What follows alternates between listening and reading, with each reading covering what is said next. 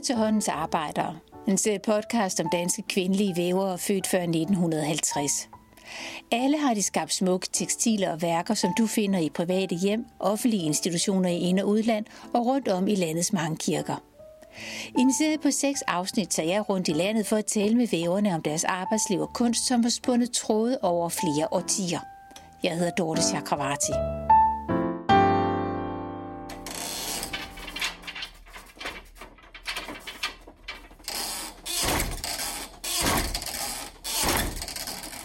Er du kunstner, eller er du Jeg er håndværker. og håndværker, og dermed også forretningskvinde?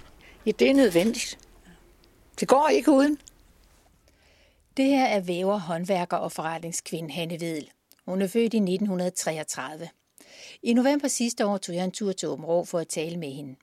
Jeg mødtes med hende i hendes virksomhed Spindegården, hvor hun og hendes medarbejdere i årtier har været tæpper, kilometervis af gardiner og møbelstof, og hun har lavet tekstiler til mere end 200 danske kirker.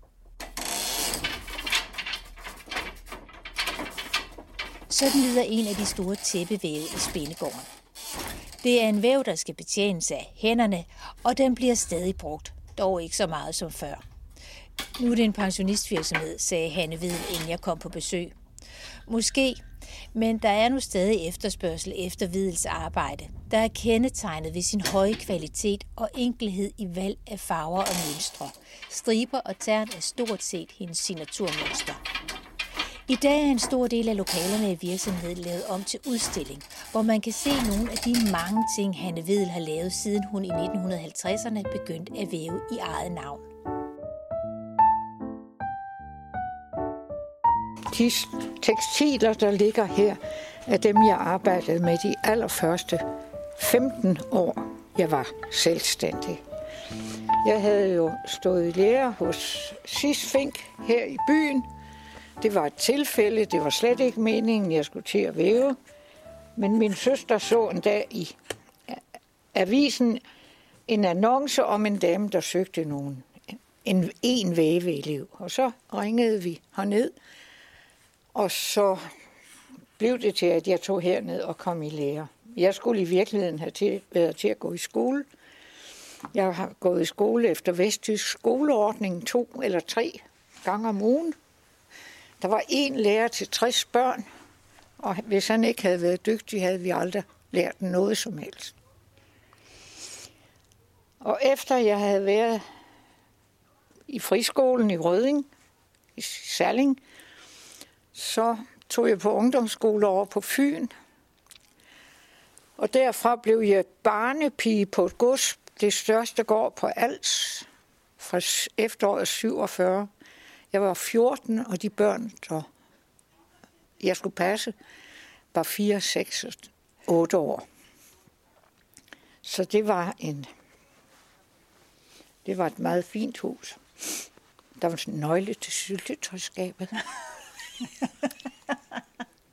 Og var det for, at du ikke skulle forgribe dig på syltetøjet, eller var det bare sådan, det var dengang? Nej, jeg tror, det var specielt i det, specielt det sted. tror jeg nok, det var. Ja. Da jeg kom hjem derfra, opdagede jeg desværre, at min mor var maniodepressiv. Hvilket selvfølgelig var et enormt chok, og hvilket kom til at præge mange år frem. Især for min storsøster, som var 12 år ældre, og som følte sig ansvarlig for sine fire yngre søskende. Så det har været et virkelig, virkelig svært liv for hende på grund af det. Mm. Jeg var hjemme ganske kort, og så tog jeg til Norge i et halvt år på en højskole. Det første, jeg blev så til, var at hente vasketøj ud, og det frøs 20 grader. Det var stift. Ja. Men da jeg kom hjem derfra, hjalp jeg som min mor sommeren over. Og så kom jeg som sagt i lære her fra 49 til 51. Så søgte jeg et forening Norden legat og fik det til en højskole. Min far havde, var, var jo højskoleforstander, men døde allerede 39. Som mor kendte jo højskolefolk over hele Norden. Så jeg blev, kom på en højskole kun 50 km uden for Helsingfors. Mm. Til var pastor, var, øh, forstander Varlros. Der var jeg så et halvt år, men der var to vævelærere, Renner. Og de hjalp mig til at få et job i Helsingfors på en, for, i en forretning, der mindede om håndarbejdsfremme. Og det var de finlands-svenske husmorforeningers forening, som havde en butik i Helsingfors, og den fineste øh, rygerkunstner i Finland, som hed E.V. Ura Beate Erstrøm. Hun var kunstner i Sleder. Og hun sagde så, hvad jeg skulle arbejde med, og jeg skulle lave nogle trænde, altså kæder, og de skulle sendes ud på landet til folk, fiskerkoner op i Østerbotten eller sådan nogle steder, hvor de så skulle sidde og væve det og sende det tilbage, hvor efter det så blev solgt i butikken. Så. Men det her med at blive væver, altså det kan godt være, at den her fortælling, du kommer med her, det lyder som om, jamen så var det det, der skete, men fra barns ben var det det, du drømte om? Nej, jeg har egentlig ikke drømt om noget særligt, men det var helt... Det, jeg, man kan jo indbilde sig selv meget, men hvis min far havde levet, så tror jeg ikke, jeg var sluppet med så lidt skolegang. Du har jo en fantastisk farvesans og kvalitetssans og alt det her. Har det ligget i familien? Det vil jeg tro, men, men altså min mormor, så længe vi boede på Krabbesholm, og efter min mormor var blevet alene i 31, der kom hun til os til jul.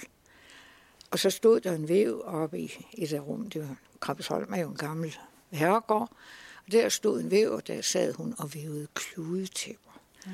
Og så kunne jeg gå rundt på trapperne på Kramsholm og sige, der ligger min overhold. Den er de klippet i stykker. Hanne Hvid blev født på Krabbesholm Højskole i Skive. Og Varen gik, som hun her fortalte, altså over tjeneste i andre hjem og højskoleophold, indtil hun i 1949 kom i lære hos Sis Fink, som havde et værksted for håndvævet tekstiler. Sis Fink satte høje krav til sine lærlinge, og det kom til at præge Vedels arbejde. Og det her tidlige livsforløb er en af de ting, der har slået mig ved de interviews, jeg nu er i gang med at lave med vævere født før 1950.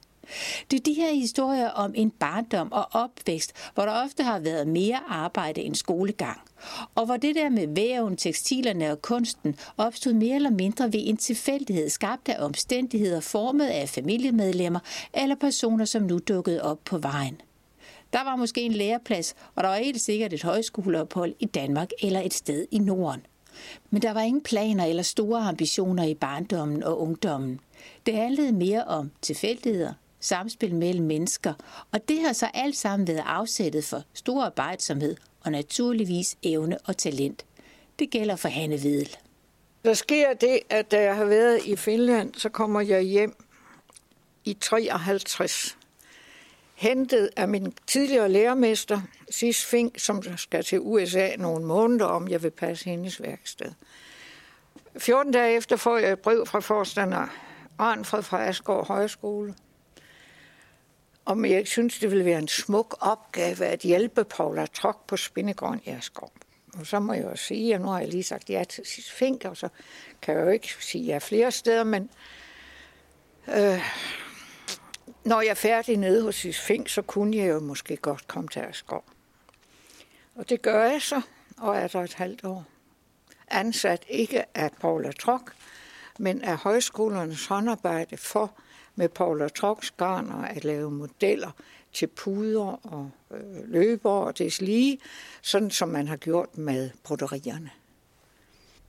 Det øh, var jeg så et halvt år, og så øh, rejste Paula Trock Trok og jeg en måned rundt i Italien. Jeg skulle jo også have lidt dannelse. Øh, og da vi kom hjem, bosatte jeg mig i Åben Rå. Jeg havde lært en 17 år ældre arkitekt at kende, da jeg var hernede. Og øh, så jeg flyttede herned med min mor, til min mors øh, store utilfredshed, for ikke at sige vrede. Øh, jeg sagde så, hvor meget ældre var min far. Ja, han var 17 år ældre. Nå. Ja, det er Jens også. Han er også 17 år ældre. Ja, sagde min mor. Men din far havde ikke været gift før, og han var ikke skilt, og han havde ingen børn. Så fik jeg den. Men i hvert fald, jeg begyndte så selvstændigt der i, i 55, og for ikke at komme til at blive en kopist, en dårlig kopist af Paula Trok, så arbejdede jeg udelukkende med hør og bomuld. Nogle af de ting, vi arbejdede med, efter at Gunhild E. også var kommet om elev, øh, først da jeg havde værksted hjemme, og senere også her, arbejdede vi med hør til broderistof. Altså de her grove, grove broderistof, og det undrede mig sådan. Alle farver dengang, det var sådan lyserødt og lyse øh, rosa og sådan nogle, øh, jeg ved ikke om jeg skal sige femtede farver, men sådan meget lyse farver. Og da jeg tog op til Kolding Hørfabrik og spurgte, om jeg ikke måtte lave noget design til dem, så spurgte jeg om deres farver, og så fik jeg de, sådan nogle farver øh, udviklet, og så sagde jeg, men det, det kan jeg ikke arbejde med. Jeg er nødt til at have nogen, der har mere kraft. Og så fik jeg dem til at lave en fem tekst ny farve, og så lavede jeg altså de her due, bare på en sort kæde, og med en hvid bord hele vejen rundt. Og tilsvarende servietter. Og når man ser de farver, der ligger her, det er jo sådan meget, hvad skal man sige, naturfarver, der er her, og meget afdæmpet, men netop som du samtidig også siger, meget kraftfulde farver, så ser det jo meget moderne ud. Det her, det kunne jo også sagtens være 2020. Ja, det kunne det godt. Men det vil du se, når du ser resten af de ting, der ligger i huset. De kunne... Min stil, mine mønstre har ikke ændret sig. Det er de samme gamle ting. Men hvad er det, der har inspireret dig? Hvad var det, du kunne se på det tidspunkt? Det er det her spor, jeg skal arbejde i. Jamen, det har jeg ikke kunne se. Det er bare blevet. Jeg har ikke haft en anelse om det. Jeg, skulle, jeg, jeg var bare klar over, jeg, skulle, jeg ville lave nogle gardiner. Ikke? Og de skulle, jeg vidste jo gardiner, jeg vidste jo for Paula Trok, gardiner skal give et smukt lys. Ikke? Så de er åbne, og de giver et smukt lys. Der var en her forleden, som sagde, nej, hvor sjovt. Dem har jeg solgt kilometer af. Anne Vedel viser sine gardiner frem, og de er nu engang svære at se i en podcast. Så lad os i stedet fortælle lidt om dem og om Paula Trok. For Paula Trok er en af de personer, der fik stor indflydelse på vævekunsten i Danmark i 1900-tallet. Hun var født i 1889 og døde i 1979. I sin tid der skabte hun en væveskole, og hun var også medstifter af et vævelav. Hun oprettede Spindegården i Askov i 1948, og hun var aktiv i arbejdet med at få lavet Kunsthåndværkerskolen i Kolding i 1960'erne. Det er det, der i dag er Designskolen. Trok underviste fremtidens vævere, og hun lærte dem om kvalitet, både æstetisk og i materialevalget. Det sidste blev udfordret i krigsårene, hvor der var varemangel og kvaliteten på råvarerne dalede langsomt. Til gengæld satte krigsårene og ikke mindst efterkrigsårene gang i udviklingen og produktionen af erstatningsprodukter. Kunstfibre blev populære og billige, mens naturmaterialerne blev gammeldags og dyre. Æstetisk skulle tekstiler ifølge Paula Trok ikke larme. De skulle indgå i et smukt samspil med omgivelserne og for gardinernes vedkommende med lyset. For lys kan måske nok holdes ude, men indimellem skal det også bare tæmmes og filtreres, så det skarpe bliver trukket ud af vores hjem, og det bløde eller det gyldne indtryk står tilbage. Det så Paula Trok, og hun så det ikke mindst i forbindelse med den arkitektur, der begyndte at blive moderne i hendes tid. Boliger med store vinduespartier, hvor lyset skulle være en smuk integreret del af rummet. Anne Vedel videreførte Troks tanker og arbejde, men hun blev ikke en kopi.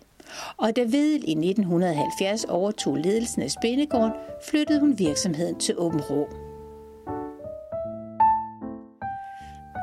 Men det var så det, der var årsagen til, at Spindegården flyttede fra... Det var årsagen, for ellers var den blevet lukket.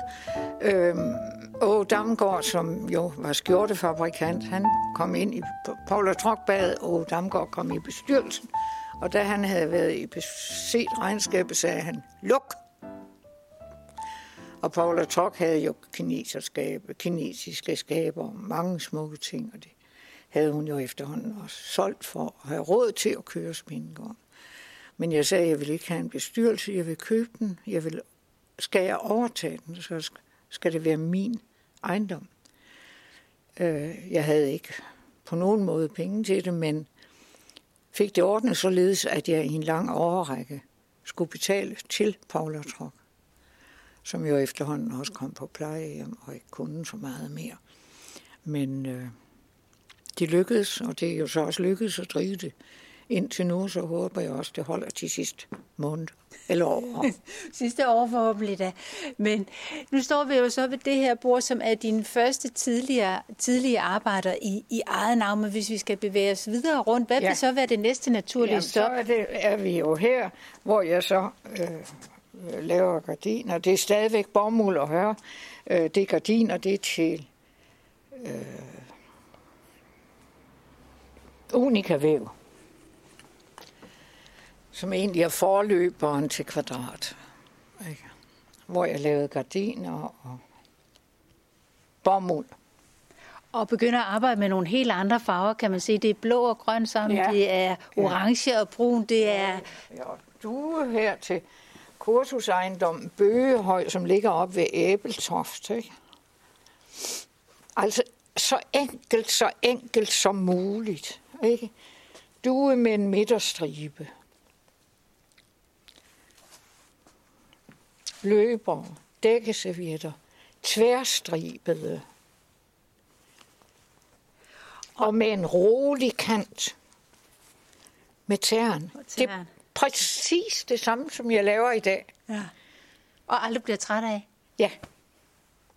Og hvad er det, det kan? Det giver den ro, jeg vil have. ja. Og så er der vel også en anden ting, jeg har læst om dig, det er, at du har sagt noget i stil til dine elever, at hvis man gør noget, så skal man gøre det ordentligt. Ja. Du har vel også en utrolig netop det her kvalitetssans. Det håber jeg. Det håber jeg, jeg har. Jeg kan godt mærke indimellem, at jeg selv er træt af at stille de krav til mig selv. Jeg er nødt til det. Og hvorfor?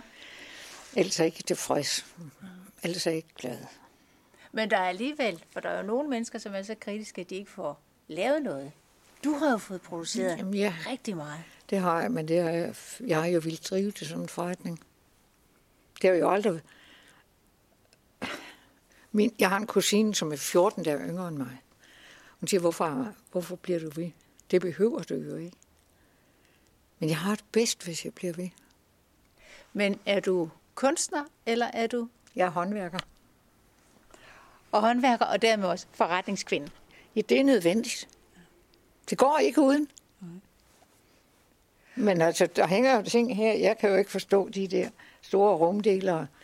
At vi aldrig har solgt en af dem. Jeg synes jo, de, ja, de laver, altså, hvad vi har lavet til udstillinger, det kan jo ikke beskrives, som jeg aldrig er blevet solgt. I lokalet på Spindegården hænger de tekstile rumdelere, som Hanne Vedel taler om. Og som med gardinerne er de ikke kun tænkt effektivt, de er også tænkt æstetisk.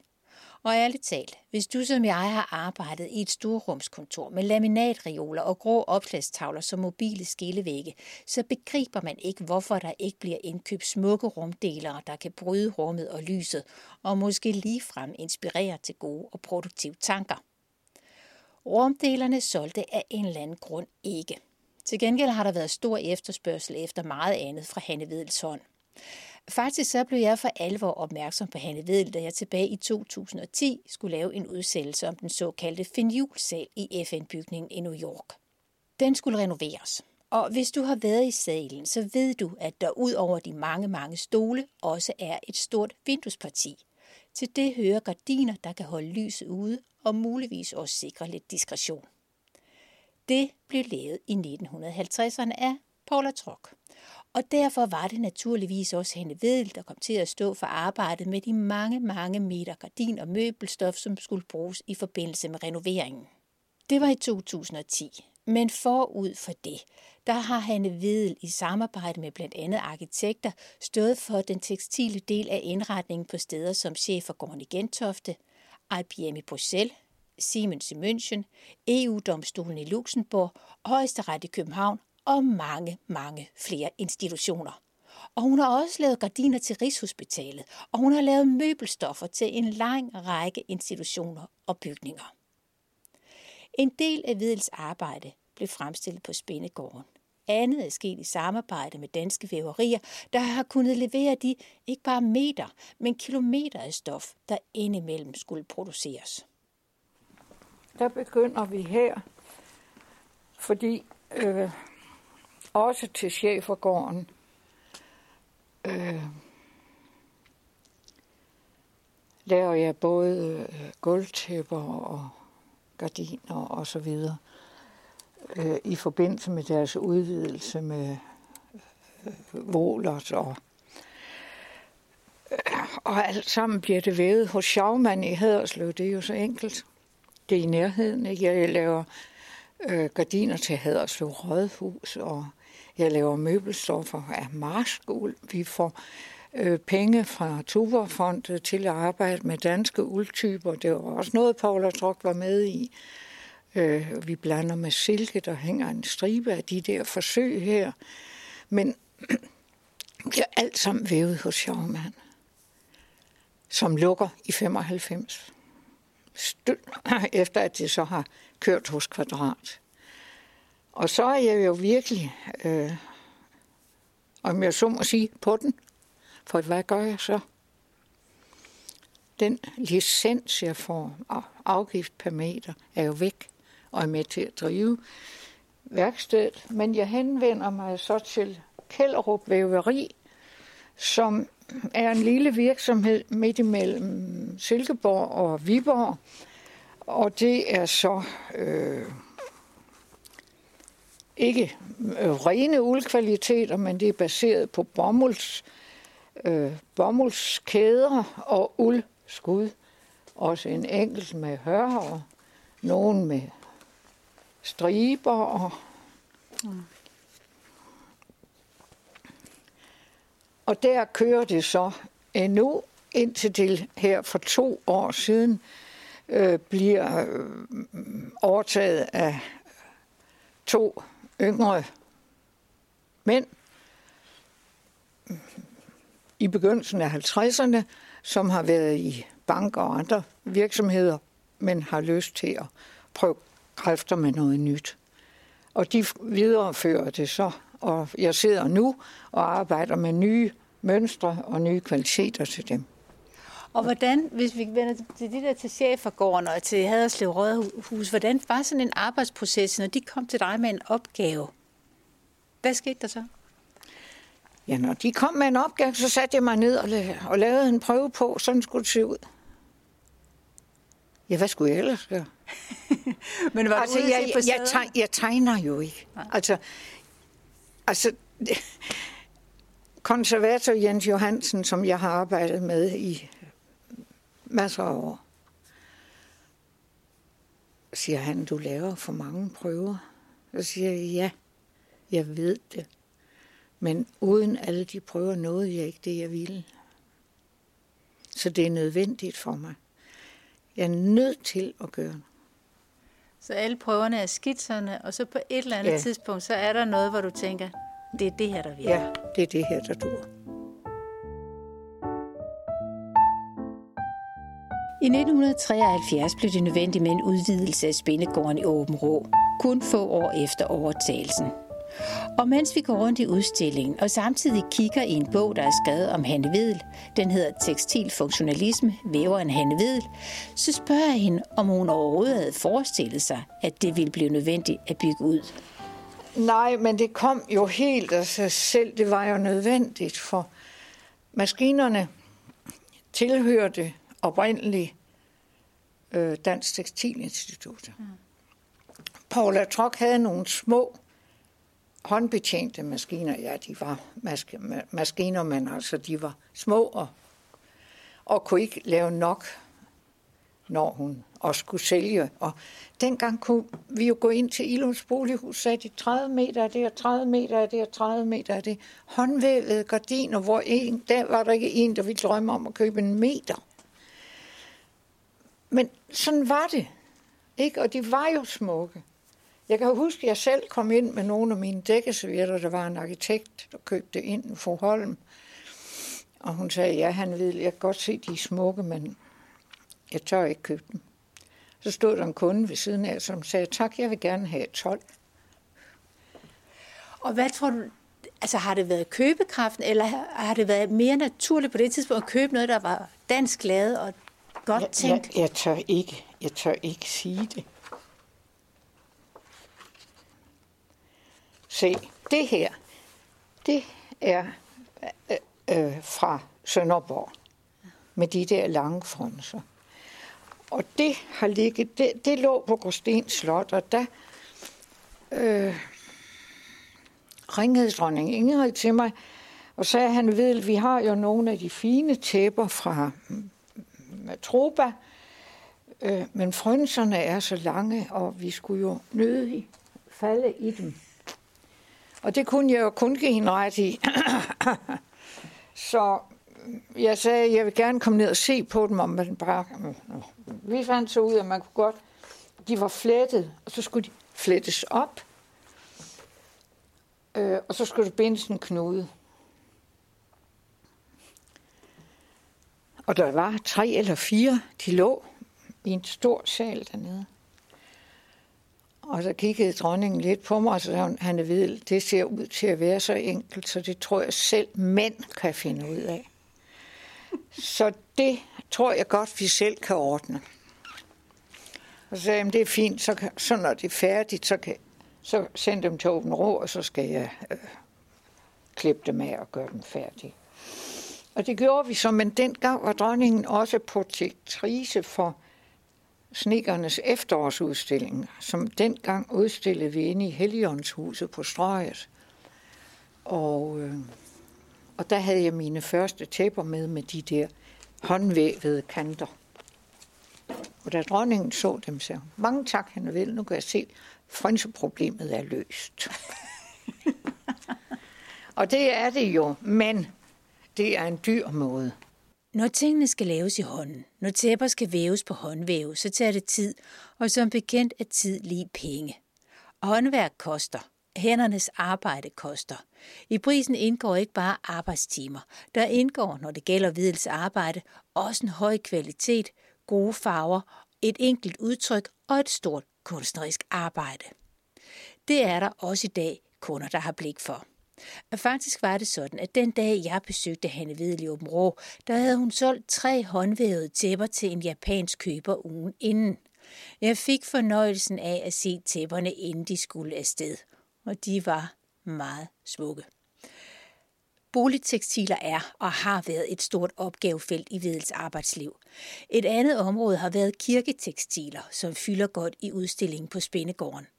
Anne Vedel har lavet tekstiler til langt over 200 danske kirker, og hun kom lidt tilfældigt ind i arbejdet med kirkerne. Det skete, da hun mødte fru Rendum Thomsen fra Selskabet for Kirkelig Kunst. Ja, det var et helt tilfælde, men jeg er medlem af øh, Åben Råds Optimistklub. Jeg ved ikke, om det siger dig noget, men en kvindeforening. NGO'er. Det er også derfor, jeg for lige i dag går med orange farve tørklæde. Fordi det er orange dage. Det er vold. Det er for at strække for vold mod kvinder. Men øh, ved et møde på Nyborg Strand kommer jeg til at sidde ved siden af en meget sød dame. Og øh, hun er skrædderlært i Paris. Og moden dame. Og vi kommer til at tale om sådan noget, og så prøver jeg på at lave noget, og så udvikler det sig, og så er der også Hans Georg Skovgaard, øh, en af Skovgaards sønnerne, var kunstnerisk leder derinde, og der var noget med, at samtidig havde de lidt svært, når der skulle tage stilling til noget i Jylland. Så hun spurgte samtidig, kan du ikke tage op og se på det? Og det har jeg så gjort, og så efterhånden udviklede det sig. Og så ved jeg ikke, men så pludselig så var der... Så kom der den ene efter den næste. Lykum Kloster og Åben Rå. Og Først, den første, jeg blev bedt om, det var at, at lave et antipendium til Sankt Jørgens Kirke, som oprindeligt er bygget eller, i øh, 1904 her i Åben Rå som dansk frimenighedskirke. Og jeg blev bedt om at lave et antipendie i, været i 50'erne. Jeg sagde, det kan jeg ikke, det har jeg aldrig lært. Det er umuligt. Jeg vil gerne væve det, men det, det skal, der skal en kunstner på, det er ikke mig. Og så samarbejdede jeg med Anne-Marie Kornhoff.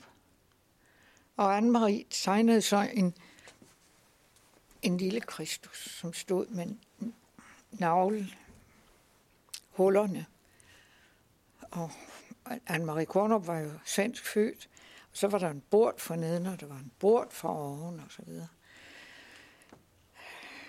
Og jeg vævede så stoffet, og jeg har så her i 2004, da kirken blev 100 år, der var det slidt, og så fik jeg lov til at lave et nyt, og det er så uden nogen form for udsmykning ud over, at det er, ja, det er en flot farve. Og alt, det er noget med 200 kirker, hvor du har bidraget til? Ja, det er i hvert fald, og der er sikkert også, der har ikke været så mange de sidste år, men selvfølgelig fordi jeg har jo heller ikke faste medarbejdere mere. Men, øh, Men er der en af de kirker, du har været med til at udsmykke, som betyder særlig meget for dig? Det er svært, fordi jo alle sammen. Altså, her, det der, det er sammen med Erik Heide, det er stillingen op ved, øh, mellem Aarhus og Silkeborg det er Ravensbjerg i Aarhus. Det her det er en af de første, den, det er et antipendium øh, i dobbeltvævet tern i gyldent. Jeg tror ikke, prøven ligger herovre, men det her er en af dem, jeg holder, nok holder allermest af. Det er Sankt Morten i Næstved. Ja, og det er en meget grøn. Ja, den er så grøn. Ikke ja. det hjørne. Og det var sjovt, Paula, øh, Paula Trok havde en nevø, som var præst, og han havde været nede og se på det sammen med Grete K. B. Andersen, som var en søster til ham, altså også en jæse. Og siger han, hvad mener du? Så siger jeg, kan du da ikke se, at det er et kors, og så er det røverne ved siden af?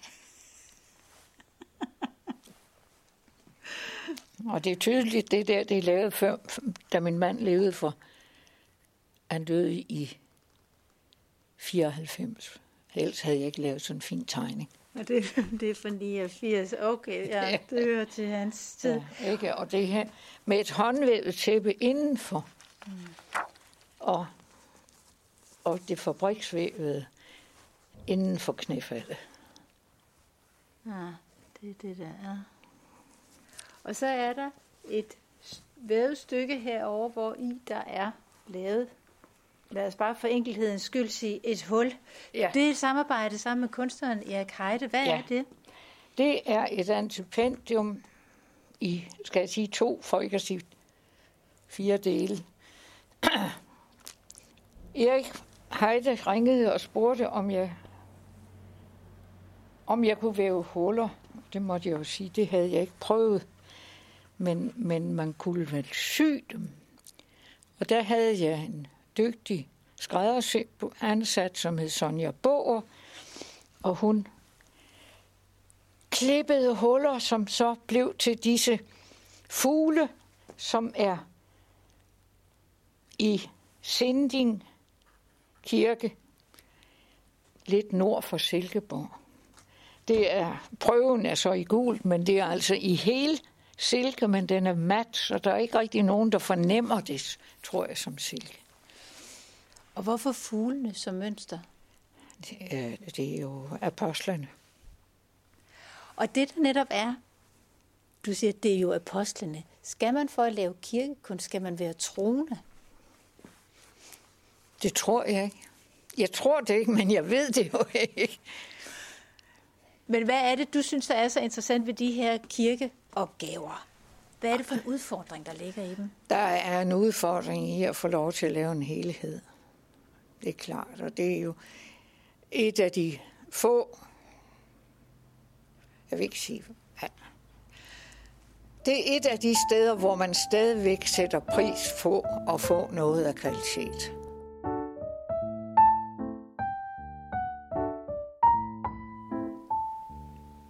Og så er den der igen. Det der med kvaliteten, som er så vigtigt for Hanne Vedel. Og det der med forståelsen for, at godt håndværk, det tager tid, og det også har en pris. Faktisk, hvis vi skal tale om det med pengene, så mødte jeg første gang Hanne Vedel i forbindelse med et foredrag, jeg skulle holde i Haderslev i 2015, i forbindelse med markeringen af 100-året for kvinders valgret. Efter foredraget, der faldt jeg af en eller anden grund i snak med Hanne Vedel, og af en eller anden grund, så kom vi til at tale om viskestykker. Og håndvævede viskestykker, og hvor lang tid det tager at lave noget så enkelt som et viskestykke. Og hvorfor prisen derfor er, som den er. Hverken Hanne Vedel eller jeg kan i dag huske afslutningen på den snak. Faktisk kan Hanne Vedel slet ikke huske, at vi talte om viskestykker, men det gjorde vi altså. Og efter vores lille samtale, der vidste jeg, at jeg en dag ville interviewe hende. Der gik så nogle år, men da det endelig skete i november sidste år, der blev jeg bekræftet i, at Hanne Vedel er et af de mennesker, for hvem ingenting er ligegyldigt. Hverken de ting, vi omgiver os med eller arbejder med. Og der er, hvad jeg vil kalde en tidsløs stjavhed i hendes arbejde og i hendes personlighed. En enkelhed, der giver blikket og måske ligefrem sindet en pause. Det jeg holder af ved mine egne ting, er den ro, det ligger i, at der ikke er mønster i siderne. Og der er en sådan helt tydelig ting, som er syn, synlig her. Øh, den alterdue til Væng Kirke, som ikke er der mere. Øh, Erik Heider har lavet nogle nye udsmykninger for nogle år siden. Men den har jeg også lavet som almindelig to-personers stue. Og i stor due. I halvlændet, altså bomuld hør. Men når vi lavede dem i hele due, og der blev en fejl, så røg der en hel due ud hver gang. Og efter at lave det i metermål, hvor det så ikke har indramningen for enderne, der kan vi klippe udenom fejlene. Det har jo også noget med økonomi at gøre, som man lige skal være opmærksom på. Anne når du sådan ser over dine mange arbejdsår, som efterhånden er arbejdsårtier, ja. hvordan vil du så sådan samlet set beskrive dit arbejdsliv, din karriere? Nu tænker jeg ikke karriere. Jeg synes, jeg har været ualmindelig. Jeg har været så privilegeret ved at få så mange opgaver. Men jeg har også slidt. Jeg har solgt mine møbelstoffer. Kjellrup havde ikke nogen øh, sælgere, havde kun ganske lidt sælgere på. Jeg har øh, selv kørt rundt i Holland, Belgien og slæbt møbelstoffer ind og ud og op af døre herhjemme. Det samme og så videre. Men derigennem har jeg også lært en masse søde mennesker at kende. Så jeg kan jo kun sige tak. Og så har jeg kunnet leve af det. At jeg så i dag også får, får Statens Kunstfonds ydelse i forholdsvis til, hvad jeg ellers har, er jo en stor hjælp. Og vel også en stor anerkendelse. Også en anerkendelse. Men hvis du i dag skulle give et råd til en ung kommende væver, hvad skulle det så være? Som vil lave en karriere, der er rentabel, men også... Det vil jeg slet ikke ture. det vil jeg ikke ture. Hanne Vedel arbejder stadig, om end i mindre målestok end tidligere. Hvis du vil se nogle af hendes mange tekstiler, så findes de rundt om i landet, ikke mindst i de mange kirker. Du kan også besøge Spindegårdens hjemmeside. Det er spindegården.dk eller spindegården.com. Uanset om det er med DK eller kom, så er Spindegården med to A'er. Og der er også en side på Facebook, og der er en på Instagram. Og så vil jeg sige tak til Svend Dahl, som havde leveret lyden af en øh, tæppevæv fra Spindegården, og naturligvis tak til Hanne Vedel for at vise rundt og fortælle. Jeg hedder Dorte Chakravarti, og du har lyttet til Håndens Arbejdere. Det er en serie podcast om danske kvindelige vævere født før 1950. Serien er støttet af Åge og Johanne Louis Hansen Fonden.